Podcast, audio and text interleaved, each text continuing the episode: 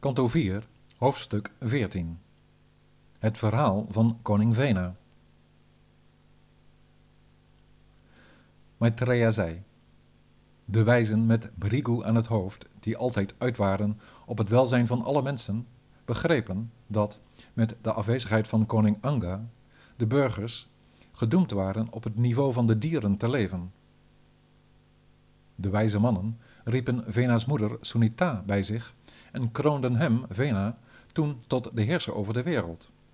Ook al waren de ministers het er niet mee eens. Toen ze hoorden dat koning Vena de troon had bestegen, verborgen de dieven, die wisten dat hij een zeer strenge bestraffer was, zich meteen, als waren ze ratten, bang voor een slang. Koning Vena, die de hoogste zitplaats had ingenomen, was zeer trots op de acht vormen van wilde en beschouwde zichzelf als de grootste. Vol minachting begon hij de grote persoonlijkheden te beledigen. Aldus verblind door de macht, besteeg hij, trots als een niet beheerste olifant, een wagen en trok hij rond, hemel en aarde schrik aanjagend. Het de Brahmanen niet toestaand dat er enig offer werd gebracht, aan liefdadigheid werd gedaan, of dat er ook maar één grammetje boter in het vuur werd geofferd, maakte hij al dus, met zijn paukengeroffel, overal een einde aan de religieuze rituelen. Toen de wijzen, die altijd de offers hadden uitgevoerd, zagen wat de grote schurk Vena deed, beschouwden ze dat als een bedreiging voor de gewone man en raakten ze uit mededogen in gesprek. Zoals een blok hout dat aan twee kanten in brand staat, verkeert de gewone man helaas van de beide zijden van zowel de koning als van de dieven en schurken in groot gevaar. Omdat we bang waren zonder een koning te zitten, werd Vena gekroond, hoewel hij er niet voor geschikt was. En nu dreigt er ook van zijn kant gevaar. Hoe kunnen de levende wezens nu gelukkig zijn?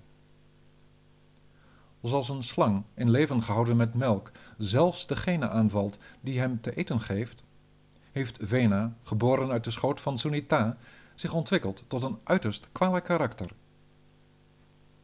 Met hem aangesteld als koning lijkt het geen twijfel dat hij erop uit is de burgers schade te berokkenen, maar om te voorkomen dat wij voor de gevolgen van zijn zonden moeten boeten, zullen we proberen hem tot vrede te bewegen.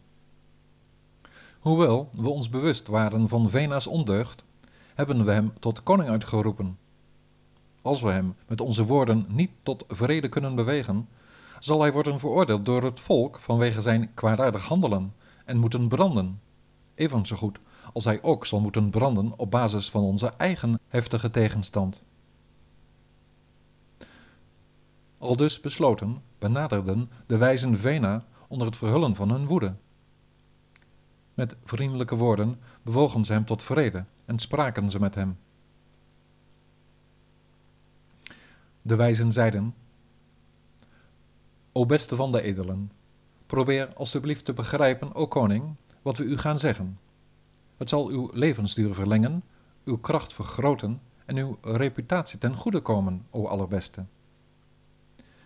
Personen die in woord, gedachte, lichaam en intelligentie vrij van gehechtheid zijn en handelen in overeenstemming met de religieuze beginselen, zijn de werelden vergund die vrij zijn van ellende. Ze zullen bevrijding en duurzaam geluk vinden. Mogen u dat niet verliezen, o held van de mensen? De koning die dat verliest, wat de oorzaak van voorspoed is, zal zijn overwicht verliezen. O koning, het adellijk bestuur dat de mensen beschermt tegen kwalijke regenten, dieven en schurken, kan op grond daarvan belastingen innen en zowel deze wereld als de wereld erna genieten. Het is in die koninkrijken, waar in de steden de Allerhoogste Heer, de genieter van alle offers, wordt aanbeden, dat de mensen het Varnashrama systeem volgen en handelen in overeenstemming met hun eigen aard.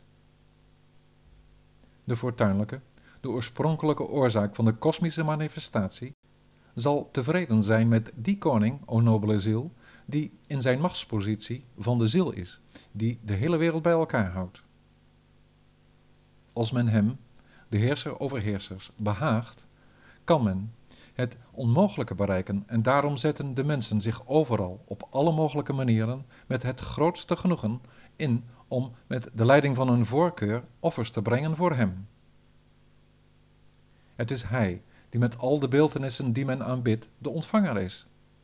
Hij is de slotsom van de Veda's, de eigenaar van alle middelen van aanbidding en het doel van alle verzaking.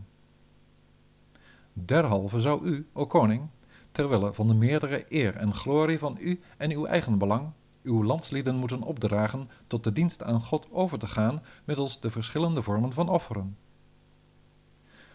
Als de Brahmanen in het koninkrijk zich bezighouden met de eredienst, worden alle verlichte zielen die deel uitmaken van de Heer naar behoren gerespecteerd en zullen zij, zeer tevreden, u van het verlangde resultaat verzekeren. O held, u moet ze niet minachten.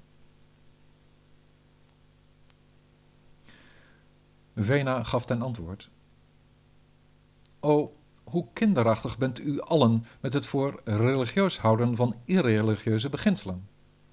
In feite verzaakt u de vader die u voedt en gaat u vreemd met een andere liefde. Zij die onwetend, zonder achting, niet doorhebben dat de Heer er is in de vorm van de koning, kunnen geen geluk vinden in deze wereld, noch in het hiernamaals. Wat is nu de naam van die genieter van het offer op wie u uw zo grote toewijding richt? Net als een slechte vrouw met haar geheime minnaar schiet u tekort in uw genegenheid voor uw koning, uw echtgenoot. De schepper, de handhaver, de vernietiger, de koning van de hemel, de god van de wind en de god van de dood, de god van de zon, de god van de regens, de god van de schatkist en de god van de maan, de god van de aarde, de god van het vuur en de god van de wateren, al deze en ook andere machten in staat tot zegening en vervloeking, houden zich op in het lichaam van de koning. De koning omvat al de goden. Om die reden, mijn beste geleerden, behoort u mij te aanbidden in uw rituelen en niet jaloers te zijn. Zet al die middelen in ter wille van mij. Er is niemand anders om te aanbidden als de hoogste genieter van het geofferde.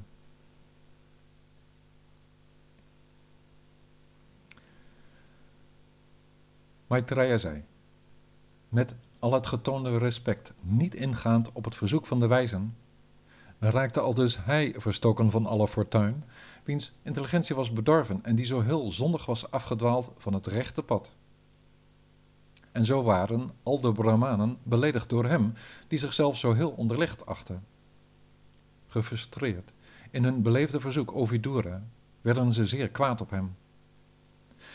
Breng hem ter dood, ter dood deze koning, deze zondaar, deze verschrikkelijke kerel, die de hele wereld spoedig in de as legt als we hem zijn gang laten gaan.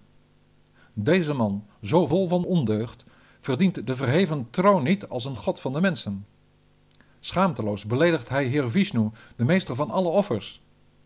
Wie anders dan die ongelukkige Vena zou nu zo godslastelijk zijn over hem, door wiens genade men alle fortuin geniet? Met dat besluit hem te doden, toonden ze hun woede en hielpen ze met het geluid van hun afwijzing Vena de wereld uit, de koning die ten onder ging door met de onfeilbare te spotten. Nadat de wijzen waren teruggekeerd naar hun hermitages, behield de treurende Sunita het lichaam van haar zoon met behulp van het zingen van mantra's.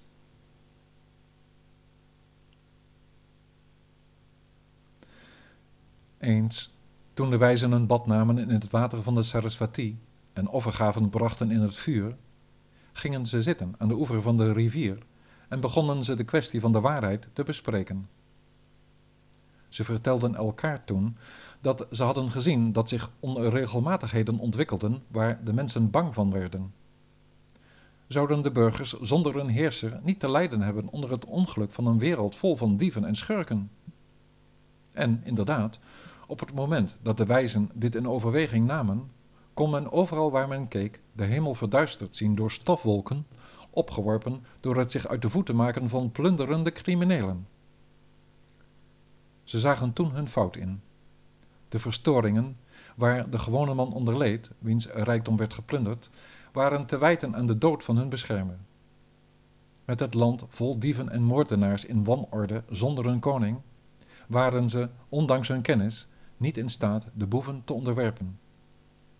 Een gelijkgezinde, een vreedzame Brahmaan, die degenen die het moeilijk hebben veronachtzaamt, verliest zijn geestkracht, zoals ook een gebroken pot zijn water verliest.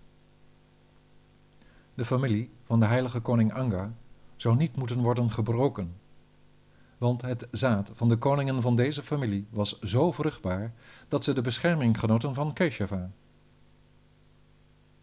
Aldus besloten de wijze mannen ertoe met veel kracht de dijen van de dode koning te karnen.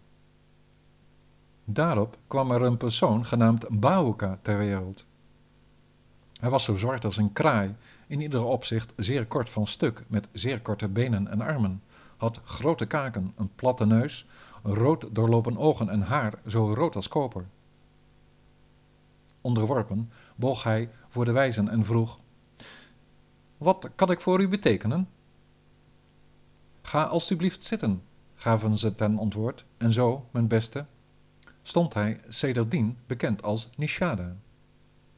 Zijn nakomelingen werden daarop de Naishada's genoemd. Ze bewoonden de heuvels en bossen omdat ze, geboren uit Vena, werden gevreesd vanwege al zijn zonden.